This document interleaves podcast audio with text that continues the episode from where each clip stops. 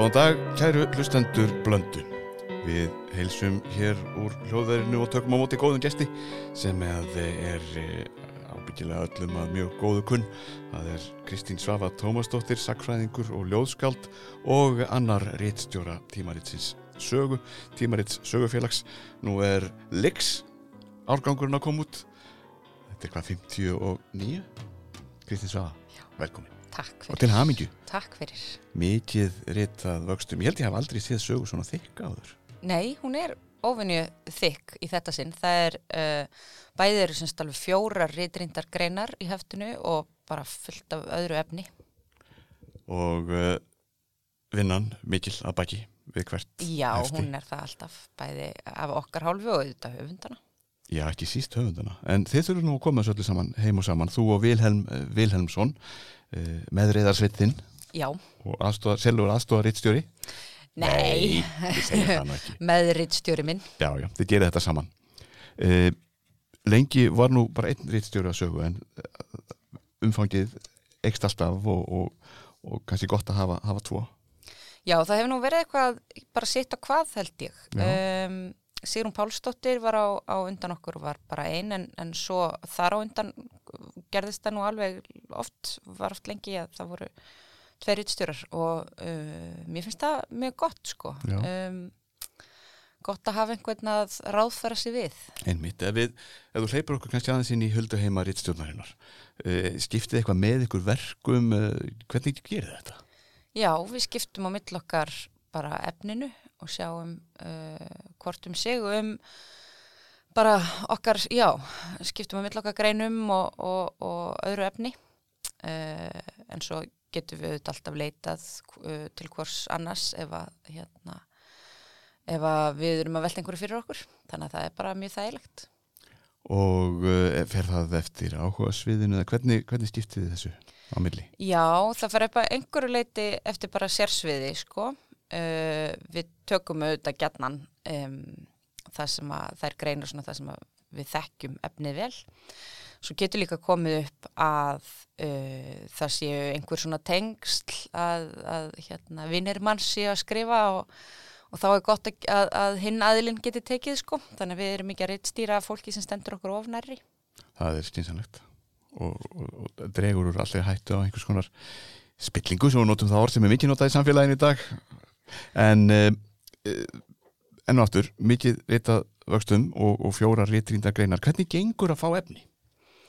Það gengur kannski svona misvel, uh, hérna, við fá nú alveg uh, oft, oft skemmtilegt efni inn frá alls konar fræðimennum, bæði sagfræðingum og, og fræðimennum úr öðrum greinum sem er að vinna svona á sögulegu sviði. Uh, stundum uh, þurfum við svona aðeins að hafa klarnar úti uh, og erum þetta bara alltaf að leita að efni og að geta undistrykka það. Uh, bæði, bæði reytrindum greinum sem eru auðvitað svona hryggjar stikkið í heftinu hverju sinni. En svo erum við uh, alltaf líka að leita einhverju, einhverju skemmtilegu efni öðru. Og við höfum verið frekar dugleg að vera með reytdóma líka undan farin hefti, hafa verið hérna uh, býstna margir á annan tug yfirleitt. Og sem hafa með að segja nýverið vakið mikla aðtekli út í samfélaginu Stundum gera þeir það, Já. já. og það er vegna þess að fólk er ekkit endur alltaf sammála um, um nálgunna í, ekki einu sinni í vísindalegum rannsóknum þannig að það, hluta þessu, þetta er hluta þessu lifandi samfélagi að, að fólk tækist jáfnvel á Já, og, og það er bara hérna bara við viljum við viljum líka endilega að það sé umræða uh, í sögu um, og og bæði einmitt riddómarinn líka bara eins og viðhorskreinar og, og svo leist þannig að það er um, það er auðvitað nöðsulegt fyrir fræðasamfélagi að það sé lifandi umræða um, um aðferðafræði og nálganir og, og svo framvegs og jáfnvel einhvers konar staðrendir ef hægt er. Já, það er til dæmis eitthvað sem heitir álitamál sem hefur verið í undanförnum heftum. Já, uh, virkilega áhugavert oft og þannig er jáfnvel stundum verið að uh, takast á svolítið við samfélagsumræðuna út frá auðvitað sjónarhóli sagfræðinar oft en þegar við vil verið að leita til annara fræðimanna og fræðafólks úr af öðrum sviðum til að bæta inn í þá umræðu og, og þess, þessi þessar, þessi álutamál hafa oft vakið einmitt miklu aðtegli jável út fyrir, út fyrir svið sakfræðinar. Já, þetta er mjög skemmtlegu svona dálkur þar sem að uh, yfirleitt þrýri eða fjórir eru fengnir til þess að skrifa um einmitt eitthvað svona áleitamál út frá sögulegum vinkli yfirleitt en, en eitthvað svona sem að hefur kallast á við samtíman einhver leiti um, og, og jú, það er svona útgangspunkturinn er yfirleitt sagfræðin en oft höfum við fengið líka heimsbygginga og, og fólk á öðrum sviðum. Núna uh, er það Sigurður Gilvi Magnússon uh, professor sem hefur umsjón með áleitamálunum og það eru þrýr uh, nefnundur hans úr sagfræðinni sem að skrifa uh, um falsanir og blekkingar í svona sögulegu ljósi og í, í sagfræði. Mjög skemmtilegt að fá líka þessa uh, ungu sagfræðinga til þess að skrifa í sögu. Og einmitt þarna stigur fólk þá bara sín fyrstu skrifa oft í, í, í svona byrtingu. Já. Og, og opnar þá kannski leiðina og, og hugur ekki til að gera meira. Já, en bara vonandi en það ekki. En einmitt álitamáli núna, þetta snýr svolítið að orðræðu sem hefur verið í, í samfélaginu bísnalegi einhver ár, jável áratug. Um, falsanir blekkingar veruleika. Uh, fólk sem að fylgjast með fréttum til dæmis, þá getur nú átt svolítið erfitt með að átt að segja á stundum hvað, hvað sé nú satt og rétt í því sem að byrtist á vefmiðlum og, og í, í fréttum jável og oft er rópað að eitthvað sé jável fölsun eða einhvers konar hálsanleikur uh, í ákveðnum svona jável áráðstilgangi er, er eitthvað verið að nálgast þetta viðfangsefni út frá því? Já, þetta er svona frá ymsum sjónarhóttnum uh, Þórhildur Elisabeth Þórstóttir er að skrifa um, um gremjufræði sem hefur verið kallað. Uh, og svona gaggríni fræðimanna á uh, ekki síst kynjafræði og eins og aðrar fræðigreinar. Og hann, hún er að skrifa um svona umræðu innan uh, fræðana um, um svona aðferðafræðilega nálganir. Uh, Jakob Snævar Ólafsson er að skrifa um æfisögu þar sem kemur í ljós að höfundurinn hefur ekki verið að segja allan sannleikan um sína eigin æfi og Svavar Benediktsson er að skrifa um falsaðar dagbækur Hitlers. Þannig að þetta er svona uh, uh, já, úr ymsum áttum. Hérðan og það Já. En uh, svo eru fleiri tíðindi, það er ekki nóg með það að rítið sé óvönulega mikið að vöxtu núna heldur er rítstjórnin sem er ykkur rítstjórnum til fulltingis, hún hefur líka breyst. Já, við erum sérst búin að stækka rítnemdina þetta er bara að saga er náttúrulega alltaf eins og sögu félag í um, svona, já, ákveðinu ferli, það er alltaf verið að leita leiða til þess að uh, gera bara starfið svona faglegra og um, og við sem sagt, já, vorum stækkuðum rittnemdina, hún var uh, bara fjórir fimm en nú er komin upp í 11 manns. Uh, þetta gerðu við til þess bara, já, í rauninni þá, þá er svona sagt, stærri hópur þarna sem er okkur rittstjórunum til fulltingis, uh, veitur okkur svona stuðning og er okkur innan handar um ráðgjöf og ímislegt slíkt. Og, og sem sagt hún var stækkuð líka með það fyrir augum að gera hana fjölbreyttari uh, ekki síst hvað varðar sérsvið um, þannig að við reyndum að hafa hafa þarna fólk með, með ólík sérsvið innan sagfræðinar uh, fólk sem er við ólíkar stopnarnir bæði hérlendis og erlendis. Uh, allt sérfræðingar auðvitað í, uh, í já, í ólíkum sviðum Íslandsögunar þannig að það er bara mjög skemmtilegt og heldum með mitt fyrsta fund með þessari stækkuður ítnumd gegnum netið um daginn sem var bara virkilega gaman og, virkilega gaman að vera komið með svona stóran og fjölbreyttan hóp sérfræðinga sem að, sem að svona, uh, já, er þarna innan, innan nefndar uh, sögu, gott að vera með þetta fólk á kantinum.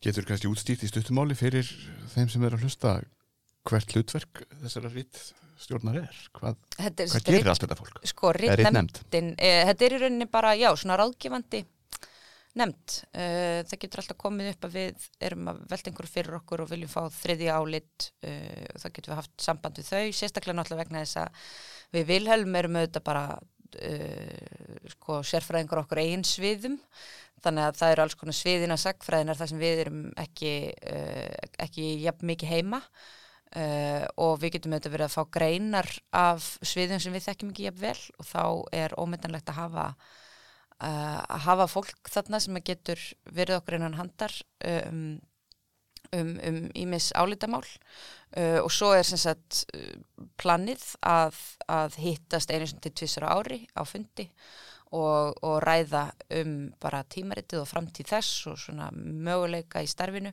Og svo líka bara þeirra hlutverk að, að vera svolítið svona líka talsmenn sko fyrirsögu bara hérna vekja aðtegli á henni út í sínu fræðarsamfélagi og, og hérna hvetja fólk til þess að skrifa og, og svo framvegis.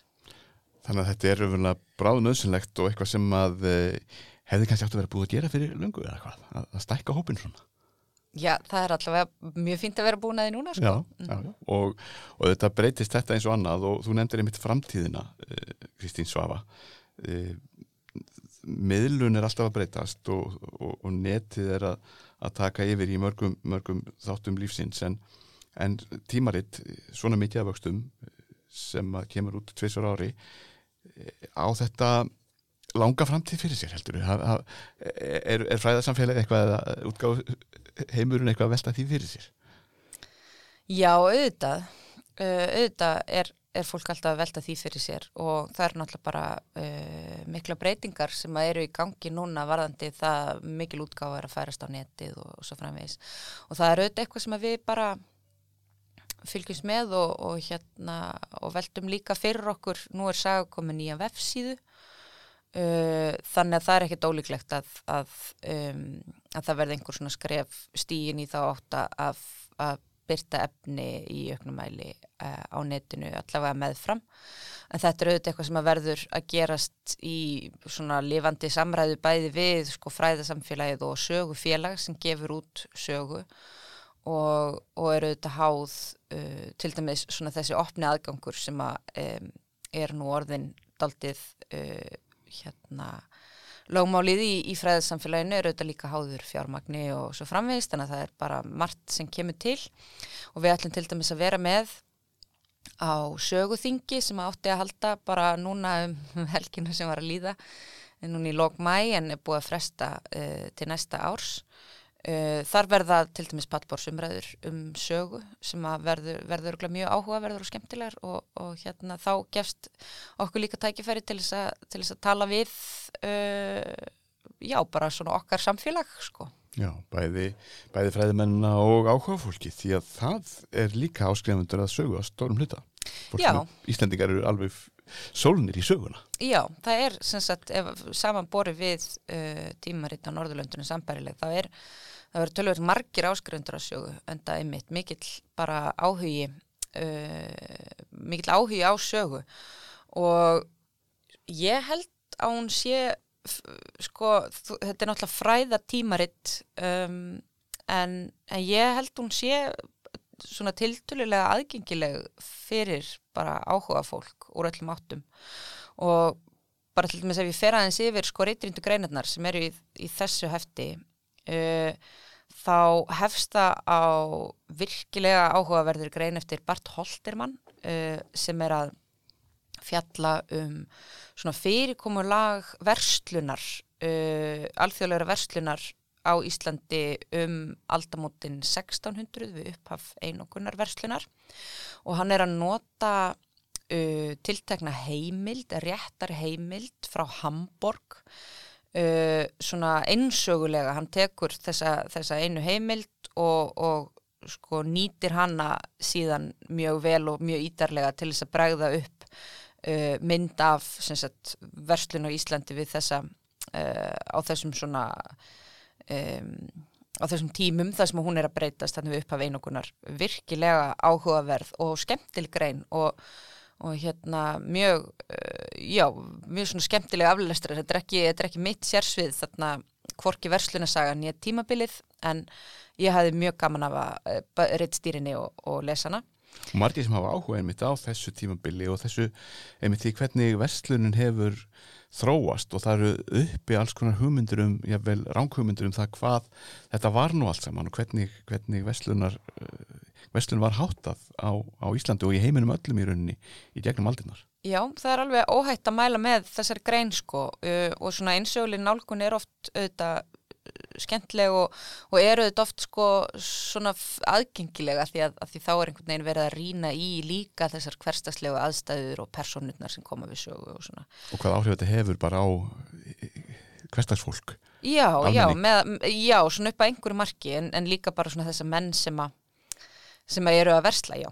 Já, um, og svo er sem sagt grein eftir Sveinmána Jóhannesson sem heitir Þrældómir og frelsi uh, og það er svona hugmyndasöguleg grein um, þar sem hann er að skoða uh, hugmyndastefnu sem kallast að republikanismi uh, og hvernig hann byrtist á 19. öld á Íslandi annars vegar í sjálfstæðisbarátunni, í skrifum sjálfstæðisbarátunni og hins vegar í kvennfrelsisbarátunni til lok 19. öldar. Þannig að það er líka svona, já, áhugaverð grein Um, svo er Þorstein Viljánsson að skrifa grein um takmarkanir barnegna og mannkinnbætur uh, á millistrís árunum það sem hann er að fjalla um svona hérna já, uh, hann er að fjalla um sko getnaðavarnir og um uh, sko fóstureyðingalögin á fjörða áratugnum og setja það svona í samhengi við hugmyndir um mannkinnbætur á millistrís árunum Uh, margt mjög áhugavert þar uh, til dæmis notar hann mjög skemmtilega hérna, heimildir úr hinnu óviðjafnanlega þjóðháttasafni þjóðminnisaps til þess að skrifa um getnaðarvarnir fyrir tíma pillunar, mjög áhugavert og svo fjórðagreinin er skjálfræðileg og þetta sýnir kannski líka einmitt fram á bara hvað fjölbreytnin er mikil í sögu og auðvitað innan sagfræðinar það sem Helga Jóna Eiríksdóttir sem að uh, starfar einmitt á þjóðskilasafninu er að skrifa um skjálasöfn síslumanna á 19. öld og uh, svona um, um uppbyggingu þeirra og, og hvernig, um, hvernig þau geta nýst við sagfræðir ansóknir. Þannig að þarna kennir ímissagrasa. Já, sannarlega. Og þetta eru þessi streytríndugreinarnar og svo eru þetta alls konar efni annað líka. Fjöldin allur af, af greinum. En það, ég held að ég hef aldrei séð sögu svona stóra, ég endur tek það einu sinni en þetta er bara orðið næstu eins og símaskráin. Ég segi þannig Já, símaskráin 1929 en, eh, en hérna eru greinarnar óvinni langar eða er bara svona mikið efni? Sko það, þetta er svona, maður getur ekki alltaf alveg spáð fyrir um það er mitt fyrirfram, það kom okkur líka pínulítið óvart og hún er því svona löng, en það er jú, það er skiptir máli, það eru fjórar greinar sko, Já. það eru stundum þrjár en það eru þetta alveg frábært að vera með fjórar. Eh, og svo bara vil svo til að það er svo mikið, eh, við vorum með svo mikið annað áhugavert efni, það er sem sagt Forsýðu myndin uh, er virkilega flott finnst mér. Hún er af uh, minnjum sem að komu upp við uppgröft í rustlega haug í hljómskálagarðinum sem fortlega fræðingar uh, voru að gera og það er Ágústa Edvald Maxwell sem skrifar mjög skemmtilega litla forsýðu myndargrein um þessa mynd um, og þennan uppgröft sem að ég er algjörlega, ég er alveg heilið af sko persónulega. Svo eru áleitamálinn og, og ryttrinduggreinarnar. Um, svo eru við með uh, þátt sem heitir Saga og miðlun uh, og þar fengum við Björn Þór Viljánsson sem er í kvikmyndafræðinni í háskólanum til þess að skrifa um uh, rytun og heimildir við íslenska kvikmyndasögu. Það er eitthvað sem er í svona mikil gróska í og mikil áhugi á þessa dagana og, og ég var, mér fannst mjög skemmtilegt að geta svona tengt aðeins á milli sagfræðinar og kvikmyndasögunar þarna, bara um að gera vekja vekja aðtikli sagfræðinga á þeim möguleikum sem eru þar.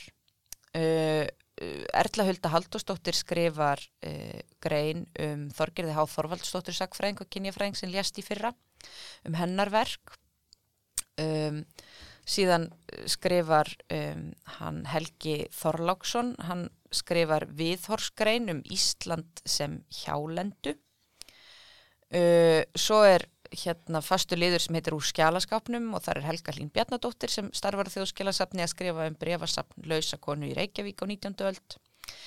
Uh, það, við byrtum andmæli, það er annað sem að hérna ke kemur stundum einsvist alltaf þegar það er hérna varðar uh, doktorsritgerðir í sagfræði þá byrtu við andmælin og Kristina Kristinsdóttir var að verja sína ritgerð minnum í janúar þannig að andmælinu við hennar ritgerður er byrt uh, Ólína Kjærúl Þorvaradóttir uh, skrifar uh, svar við ritdómi úr síðasta hefti og svo er sérst alveg fullt af uh, ritdómum og ritfregn og svo er líka árskýrsla stjórnar sögufélags þannig að það líka lendir svona ímislegt saman Já, mikil, mikil og skemmtileg blanda í þessu hefti og, og þegar þetta komin á fullt að undirbúa næsta gerir á þér og þar næsta jafnvel. Hvað vinnið þið langt fram í tíman í einu? Hefur einhverja tilfinningu fyrir því? Já, við erum, við erum alltaf, já eins og til dæmis núna þá er þetta hefti að koma út en við erum bara tölvert komin langt inn í, inn í vinnunum við haustheftið uh, og erum svona líklega komin með búin að svona lista upp uh, næstuði í allt efnið og svo erum við líka byrjuð að hugsa fyrir vorheftunni þannig að þetta er nú alveg tölvert svona langt fram í tíman sem að maður er byrjaður að, að hugsa fyrir hlutunum sko. En svo ferða þetta líka eftir bara hvað greinar taka langan tíma. Og það er eins og hyggja varðandi hverja grein því að uh, þær koma nú ekki alveg fullmótaðar frá höfundunum. Nei og það er náttúrulega sérstaklega reytirindu greinarnar sem fari gegnum þetta langa ferli þar sem að e, við tökum fyrsta mótiðum og, og lesum yfir og gerum auðvitað og, svo þegar við metum þær tilbúnar í reytirinni, þær greinar sem við, samþykjum, e, þá fara þær til reytirina og svo þarf að vinna á aðtjóðasemdum reytirina og, og hérna, þannig að það eru margir snúningar sem eru teknir auðvitað hverja grein og uh, taka mislangan tíma því að uh, bæðir það náttúrulega mismunandi að vöxtum og, og þurfa mismikla mismikið nefnilegstur gerir ráð fyrir. Já, já, bara eins og gengur. Það er eins og, eins og það er, en hvað með þú hefur nefnt áhugaverðan hlut hér nokkrum sinnum Kristín Svafa, það er þetta samstarf og samvinna fræðagreinuna eh, Forsýðugreinin snýrað fordlefum kvikmynda fræðið er nefnd og ímislegt fleira. E, nú bara kannski þitt viðhorf sem ungs sakfræðings er ekki bara holdt og gott fyrir fræðin að vinna svona saman?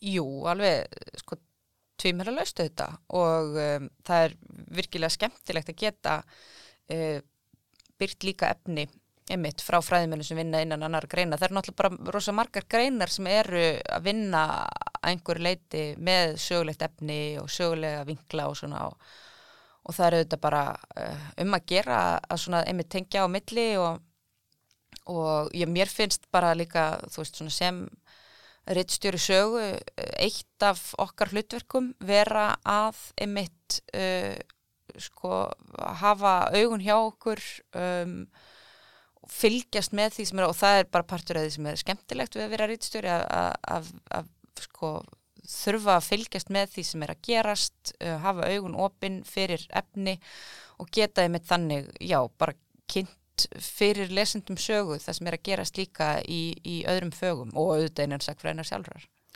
og uh, allt tengis þetta jafnvel, það er svo oft svo stutt á milli og, og sakfræðingur getur ekki vitað allt, þannig að það er ágætt að geta að leita líka liðsynnis í, í allar áttir þannig sem þarf. Já, já, auðvitað bæði hvað var þar sko efni við og e, bara svona aðfrafræði og nálganir, þá er það auðvitað bara mjög skemmtlegt að, að eins og forleifafræðin og áherslan á, á efnismenninguna sem er nú sem er nú líka stendur með blóma innan sjálfarsakfærinar, það er nú hérna Ágústa sem að skrifar Forsýðmyndagreinina er hluti af stóru efnismenningarverkefni sem að Sigur Gílu Magnússon og fleiri e, e, eru í og, og þar eru, eru til dæmis forlega fræðingar og sakfræðingar að vinna saman. Og þetta hangir allt samanlega því að við þóruð við viðstum kannski hafa verið þannig einhver tíman að, að það væri bara nóg að skoða einhver skjöl eða, eða, eða gamla pappýra án þess kannski að velta fyrir sér hvað var, hvað var annað til en, en þetta viðþorf er gennilega mikið að breytast. Já, allir það ekki. Það er bara frábært að vera með augun opinn fyrir fjölbreytninni þó að skjöl og gamli pappirar standi nú alltaf fyrir sínu. Já, eða ég vil nýlegir pappírar Já, jafnvel. tölvupóstar. Eh, Já, einmitt. allt er þetta sagfræði en sýnist þér að áherslunar áhuga sviðin sé eitthvað að breytast er að koma eitthvað nýtt fram í, í sagfræðinu það kom alltaf reglulega upp einhverja svona nýjar bylgjur af uh, áhuga sviðum ungi sagfræðingar reyðast fram og, og telja sig hafa fundið hinn heilaga gral í einhverju sem ekki hefur verið skoðað áður Hva, eh, hvernig sýnist þér að vera svona ströymar og stefnu núna? Ég kannski, ég veit ekki hvað maður þorir að vera að hérna fella stóra dóma um hérna samtímana þegar maður er ekki alveg koma með stóru línunar en það eru þetta já, sko maður sér það nú kannski bara meðal annars á þessum stóru rannsóknarverkefnum. Það er um, þessi efnismenningar áhersla er mjög áhugaverð uh, og, og sést vel í þessu verkefni Sigur að Gilva og félaga. Um, það hefur auðvitað verið uh, tölvert mikið gróska í kvenna og kynjasögu og hinsegin sögu og svona sögu kynverundarinnar sem að ég uh, vinn sjálf innan. Um, þannig að þar hafa, hefur mikið af áhugaverðum hlutum uh, verið að gerast. Og ímsa rattir sem eru fannar að heyra sem að gera það kannski ekki áður Já, já, og svona kannski vonandi aðeins meiri balans á sumum sviðum. Um, maður sér það nú bara af því að hérna skoða, það, það, sko, skoða kannski sögu fyrir 20 árum uh, og svo núna, uh, kynja hlutfallið er nú ekki alltaf alveg jamt en, en það hefur nú skána mikið uh, á síðustu tveimur áratugum, bara ef maður horfir yfir efnisifilitið og höfundalistan sko. Lengi var nú sagfræði nálitinu vera daldið svona karlæg grein uh, og, og ég man eftir málþingi sem að var staðið fyrir í háskólanum einmitt um það, af hverju svo væri, uh, er það að breytast? Já, er það ekki. Uh, ég veit svo sem ekki sjálf einmitt, hvernig til dæmis hlutvallir í nefndahópnum núna eða svoleiðis en, um, en jú, ég held, held það nú bara eins og einmitt ef við horfum á, á efnisifilitið í sögu. En svo, það, er, það, er, það hallar nú því miður aðeins á konurnar uh, en í, í þessum heftum núna en, en ég held að, að uh, þetta sé nú á réttri leið. En það náttúrulega þurfum við að En það þurfum við að, sko, já, sagan er náttúrulega, það það er mikil einföldun á sögunni að skrifa hana bara út frá köllinum, sko. Já, það er ekki nógu gott að hafa bara eitt sjónarátt, Nei. þau þurfa að vera bísna mörg og, og það er eitthvað sem hefur kannski verið að breytast á undanförnum 50 árum. Það er að segja að sjónarhornin hafa, hafa gjörbreyst. Ef við, þú vildi fara 20 ára aftur í tíman en ef við förum aftur fyrir 1970 þá er kannski ég vel ennþá annað, annað sjónarhorn og, og, sjónarmið. Já, já, og auðvitað bara miklu smerra fag ef maður er að fara svona langt aftur í tíman. Já, Eh, hér á Íslandi. Já, ég man ekki hver, hvernig var það sem segfræði var sjálfstætt fag í háskólanum. Það er ekkert svo langt síðan. Nei, nei, tiltölu stutt. Já. Þannig að þetta er auðvitað alltaf í þróun en, en eh, auðvitað verðist áhugin samt vera gríðalegur eins og ég nefndi á þann innan, bara innan samfélagsins. Og fólk er ofta að setja alls konar atbyrði samtímans inn í einhvers konar sögulegt samhengi. Og þá er gott að kunna söguna. Og, og til dæmis hefur Sagfræðingafélag Íslands verið að kalla eftir því að ebla sögu og sagfræðikenslu í skólum landsins og til, til, til dæmis í ljósi útgáð ímissa rita sem að varpa fram jável kenningum sem að geta í bestafalli talist vafasamar varðandi hluti eins og helförina svo ég tæki nú bara nýlegt dæmi. Já, auðvitað, ég meina þetta er bara stöðu umræða um, og, og alltaf, já, bara hefði kritíska sagfræðilega sjónamið, auðvitað algjörlega nöðsynlegt uh, innleg í það. Það er einfallega þannig og, og mikilvægt er mitt að, að þekkja sögun og þá er til dæmis svona tímarit eins og saga mjög mikilvægt eh, verkværi til þess og, og, og fyrir áhuga fólk til þess að, allavega sjá ákveðin sjónarhótt í sögunni, er það ekki? Það er fyrir alla. Já, já, já, jú, það er bara hérna, jú, okkar hlutverk er að vera bettvangur fyrir uh, bara það sem er að gerast nýjast í, í fræðunum og, og vera bara vettvangur fyrir líka einmitt sagfræðilega umræðu og já. Og nú er blanda þetta hlaðvarp sem við sitjum hér í Kristínsvafa, það er hugsað kannski sem alþýðlegri nálgun á, á, á fræðin og hér verður fjallað og, og vonandi til langra framtíðar um alls konar hluti eh, sem að kannski ég vil rata ekki á síður sögu en eh, þú nefndir áðan vefsíðu tímaritsins sem er ný. Hvað, hvað verður þar?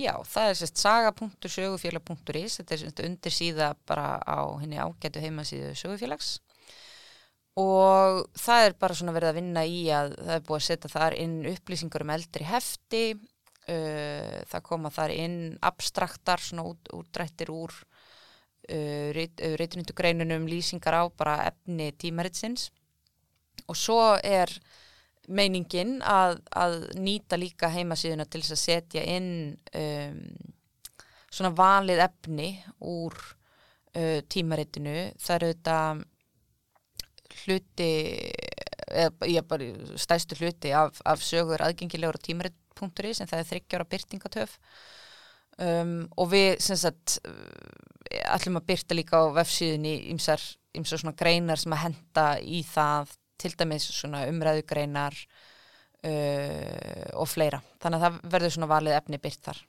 Er ég vel ætlurinn í framtíðin að eitthvað sem ég vel kemst ekki fyrir á, á parentuðum papír verði á vefsíðinni?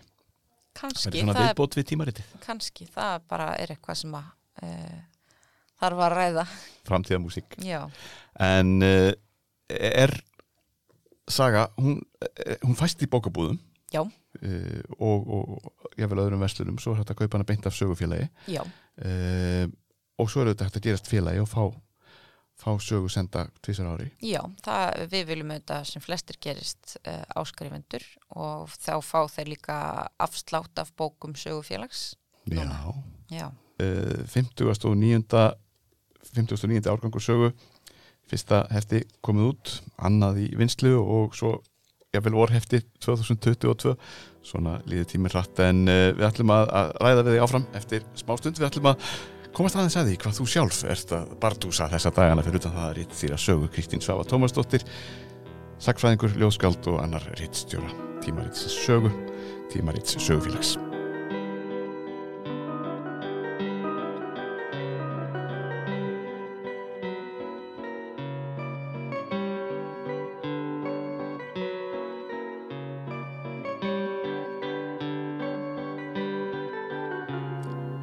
Hjá okkur situr Kristín Svafa Tómasdóttir. Hún er uh, sagfræðingur, ljóðskáld. Hún er uh, annar rittstjóra tímarits sögu, tímarits sögufélags og uh, hefur nú gefið út nokkar bækur, bæði í bundnu og óbundnu máli. Og þú ert alltaf að fá velun, Kristín. Hva, hvaða dögnar er þetta? Já, ég veit hamingju. ekki. Takk fyrir. Er þetta ekki gaman? Jú, það er mjög gaman að fá velun. Já, mikil, mikil viðurkenning á því sem þú átt að gera og þú varst með að segja, þú blandaði saman já, sagfræði og ljóðlist í, í riti sem þú fyrst nú velun fyrir, var það ekki? Jú, ég semst fekk fjöruvelunin um daginn fyrir hetjusögur sem er ljóðabók en unnin upp úr sögulegum heimildum. Uh, reytinu Íslenskara ljósmæður sem sér að Sveitn Víkingur gátt. Og hann var alltaf duglegur að gefa út alls konar svona þjóðlega fróðleik og, og, og, og jáfnvel einhvers konar sagfræði. Já, hann gaf út ímislegt, svo var hann þetta mikill spíritisti, Já, þannig að hann var allur í því líka. Mjög svona skemmtileg típa. það hefur örglega verið gaman að kynast honum. Já, örglega. En ég minna það er örglega, maður getur farið á andafund bara og náða sambandi held ég. Ég held að það sé auðveldara með svona menn sem einmitt Mhm. voru svo á bóla kafi í þessu sjálfur í lifanda lífi. Það er auðveldara að ná sambandi. Það er eins og þessu með besta síma í heimi. Handan síman. En uh, að hverju ertu að vinna núna? Ég er að vinna bók um farsóttahúsið við Þingholtstræti. Já, Já. það á vel við. Það á mér vel við, ég var byrjuð á þessu áður en að COVID skall á, það er, já, töluvert sérstakt að vera að vinna að þessu við þessar óvæntu aðstæður. Uh, við vorum nú, hann, Gunnar Þór Bjarnason, kollegi okkar, uh, skrifaði um spænsku veikina uh, senasta haust. Ég held að við séum, höfum bæði upplifað það, þetta væri kannski dalti, dalti svona sérkennilegt að getum, já, það er allavega eftir að segja að um, að það er alls konar svona hugtök sem að maður skilur til dæmis miklu auðveldlegar núna eins og bara sóttkví og einangurinn og smittrækning maður er svona með allt í kollinum Þetta er orðið bara hverslagsmál hjá venjulegu fólki nefnilega, og alltaf í, í öllum fjölmiðlum og, við eigum að stilja þetta allt saman. En uh, farsáttarhús er auðvitað merkilegt fyrirbæri uh, og uh, það, þau eru til ennþá, þessi farsáttarhús. Já, þau eru til nútíma. nákvæmlega, ekki, ekki þetta hús er ekki ennþá nota, þetta er sérst hús sem stendur á hotni Þingoltstrætis og Spítalastígs og Spítalastígur heitir einmitt Spítalastígur uh, út af þessum spítala. Þetta, hann var, sérst, húsið var byggt uppalega undir sjúkarhús Reykjavíkur uh, 1884, fyrsta spítala í Reykjavík og síðan gert að farsóta spítala Reykjavíkur árið 1920 og var svo starfaði svo, var svo notað sem gistiskíl Reykjavíkur borgar um áratuga skeið en nú stendur það aukt þannig að það er engin, það er engin í sótt hví þar núna. Nei, en þar, það var búið að, var það ekki breyta þessu íbúðarhús? Þa, það er svona fyrir hugað það er Já. búið að rífa allt innan úr því. Ég var þar bara uh, fyrir viku síðan að skoða. Þannig að það, er- já, það er planið. Og þetta er friðað hús, er það ekki? Jú, er, þetta, þetta er undir þessari 100 ára Já. friðun allavega sko, já Og öllu minna heldur en meðferðartjarnin sem er verið að byggja núna við landsbítalan. Já, svo er, það er hérna heimild líka fyrir að byggja á lóðinni hérna fyrir ofan húsið um, þar sem að maður sér ennþá gólfið úr líkhúsinu sem að stóð fyrir ofan uh, stóð fyrir ofan spítalan En hvernig tilfinning er einmitt að skrifa um svona nokkuð uh, hús sem á sér erfiða sögu í rauninni? Það var til, til að líkna og hjálpa en, en þangað fór veikt fólk sem jafnvel dó. Já, það er náttúrulega bara partur, þessi dramatík í sögun er auðvitað partur af því sem bara dró mig að henni líka þannig að þetta er uh, já, þetta er bara dramatísk og við, viðbjörður saga þannig að það er einhvern veginn af nóg að taka Og uh, hvernig nálgastu þetta? Er þetta að segja sögu húsins eða er þetta að segja sögu fólksins sem þar var? Hvernig, hvernig er þetta að skrifa sögu hús? Ég er nú eiginlega bara ennþá að finna út úr því sko um, og prófa mig áfram. Það verður mikið af fólki já, í bókinni. Uh, þetta er sagahúsin sem sagt. Það er húsið sem er hérna í forgrunni og það sem þar var en, en það, og það er líka einhver svona hugmynda og menningasaga, samfélagssaga. Þetta er auðvitað svona sviði heilbriðisögu en það verður mjög mikið af, af alls konar fólki og fólki sem er ekkit endilega uh, allt mjög þekkt í sögunni. hvernig gengur að finna heimildir? gengur bara næstu og vel sko uh, rosa mikið heimildum ég er mikið að lesa í skjálasafni landlæknis þessa dagana þannig þetta er auðvitað luxus 19. og 20. aldar sakfræðinar eða luxus og vandi luxus og vandi um, að, að það er bara töluvert mikið af heimildum. Uh, Og ekki auðlæsilegar. Já, auðlæsilegri uh, en margar oft sko. En svona rítönd lækna en og reyndar kannski allræmt fyrir að vera ekki mjög góð. En þetta er svona, já uh, það, er, það reyndar kannski ekki alltaf svo mikið heimildum um sjálft húsið reyndar, það er ekkit ekkit rosalega mikið af heimildum sem maður finnur uh, kannski tengdar daglegu lífi eða eitthvað svoleiðis. En, en, uh, en það er alltaf bara áskorun sko. Og þarna stóð það alltaf, öll þessi ár. Já, og það er enn á, sko ég hef líka hitt fólk og tala við fólk sem er láð þannig inni, sko, þannig að, e, já. Skemmtilega áskorun og, spennandi. Veistu hvennar bókin verður tilbúin til útgáfu? Já, útgáfa er fyrir huguð hösti 2022 og ég ætla bara að, ég ætla bara að stefna á, ég ætla ekki að stefna á það, ég ætla bara að gera það. Já, Já. Og þú ert nú hamleipa til verka þegar þú tekur til Já, ég er það alveg, klára hlutina sem þú byrjar á. ég ætla rétt að vona það. En uh, þú skrifað fleiri sakræðaritt sem að hafa vakið aðtikli og fengið velun eins og við nefndum áðan. Stund klámsins kom út fyrir nokkrum árum Já, hún kom úr 2018. og uh, vakti aðtikli aldrei áhugavert með þá bók að uh, mjög margir áhuga samur um hana en á sama tíma virtist þessu aldrei feimnir við hana. Já, ég held það sko, það er klámið, uh, það er, fólk er alveg pínu hikandi og, og bæ, bæði við myndirnar og efnið. Ég veit ekki alveg sko einmitt, en, en það er alveg verðt að undistrykka hvað þetta er líka, þú veist, þetta fjallar, hún fjallar um, um sögu kláms sem hugtaks og merk, merkingu þess. Um, en þetta er líka býstna svona breið menningasaga. Ég, ég held að um, það get alveg verið að, að, að það hafi einhverjir svona veigra sér við viðfangsefnið sem að hefðu samt gaman af efninu því að þetta er einmitt líka þetta kemur inn á rosalega margt sko bókmyndasögu og kvikmyndasögu og, og einmitt menningarsögu bara í dalti breiðum skilningi sko Þetta er það sem að kynnslóð sér að Sveins Víkings hefði sinna að kalla aldarspeil. Já, einhverjum, einhverjum skilningi sko Varpa ljósi á ákveðin tíma. já, já.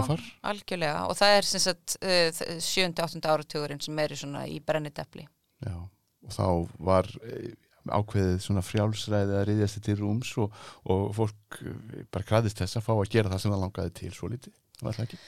Jú, og líka bara, jú, það er ákveðni svona ströymar uh, sem að, já, það, það er svona umdeilanlegt í sumum tilfellum allavega hvort maður geti alltaf nota orðið frjálsræði en það verður svona þessi þróun í þá átt að, að það er ferðið að sína meira af nekt og kynlífi í svona meginströmsmiðlum og um, útgáfa bara blaðins og tíulgóðsans og svona, þannig að þetta, það er svona þróunin sem ég er að skoða.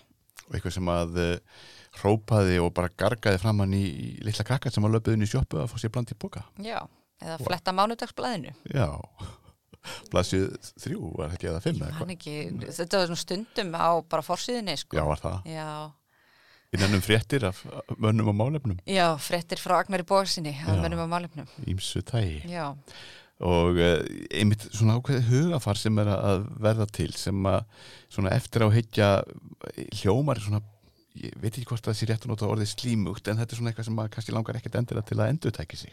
Nei, þetta er, þetta er bara mjög áhugavert tímabil það sem eru með, sko, viðmiðin er veginn að færast til, en þau eru alltaf á hreyfingu uh, eins og við sjáum bara vegna þess að þú veist, það var alls konar, það myndi, það myndi ekki dagblað í dag fara að byrta einhverjar, þú veist, berbrjósta myndir, held ég, ekki, ekki, ekki allavega á sama hátt og, og var gert þá, af því að já, einmitt, þessi, þessi mörg eru bara einhvern veginn alltaf, það er alltaf verið að færa þau til og á ólíkum forsundum.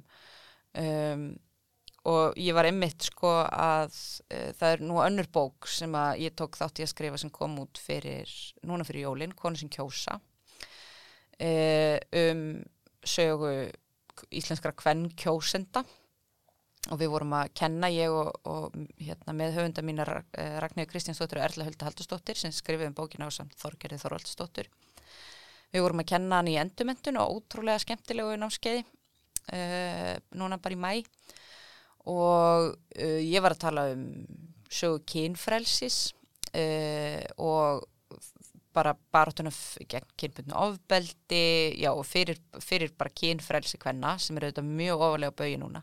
Og það er mjög gaman auðvitað að skoða sjönda og áttunda áratvíin líka í, í því samhengi að því það er svo rosalega margt í uh, menningunni og uh, feminískri baráttu sem á sér svona rætur þar. Uh, þannig að það er líka mjög áhugaverið tími út frá uh, því sem við erum að upplöfa núna.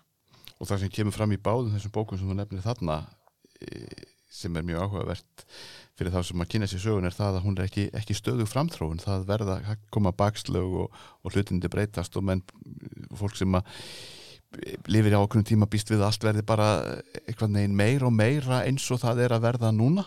En svo getur eitthvað orðið til þess að breyta viðhorfum eða, eða ég vil lagasetningu og, og, og, og allt, hlutindi breytast aftur. Já, og, og ég vil dregur úr frelsi eða menn átt að sé kannski á því eins og þú svona nefndir áðan Kristín að frelsi er ekkert endilega frelsi. Nei og bara hugmyndin um framþróun er auðvitað í sjálfur sér gildisleðin eins og, eins og sagfræðingar vita. það vita þér manna best, er það ekki? Já, eins og svo margt annað. Já, en uh, nóg að gera hjá þér Kristín Svafa Tómasdóttir þessa dagana. Uh, Saga komin út.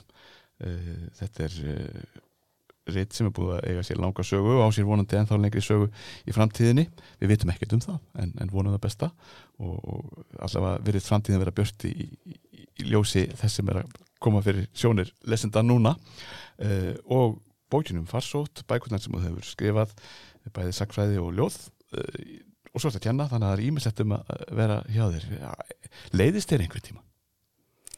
nei, ég held ekki. Það er gott Ég held að mér leiðist aldrei. Það er gott. Það er ágætt skilabóðin í daginn, það er óþarf að láta sér leiðast, maður bara finnur sér eitthvað skemmtilegt að gera. Já, les sögu. Til dæmis, sem að er komin út fæst í helstu bókabúðum og svo er hægt að gerast áskrifandi með því að hafa samband við sögufélag eða að fara inn á vefsíðuna uh, sögufélag.is eða nýju vefsíðu sögu, saga.sögufélag.is. Kristín Svafa Tómasdóttir, rittstjóri sögu, sakfræðingur, ljóskáld, kona sem lætur sér aldrei leiðast. Kæra þakki fyrir komuna í blöndu. Við ætlum að kveðja í dag og þakkum ykkur hlustundum fyrir að vera með okkur og hvetjum ykkur til að eh, fletta þessu veg, veglega riti við nýjustu sögu og látið ykkur hlakka til að fá bókina um farsóttarhúsið í hendur á haustögum 2022. Það er stutt í það eh, og það er líka stutt í næsta þátt. Verðið sæl.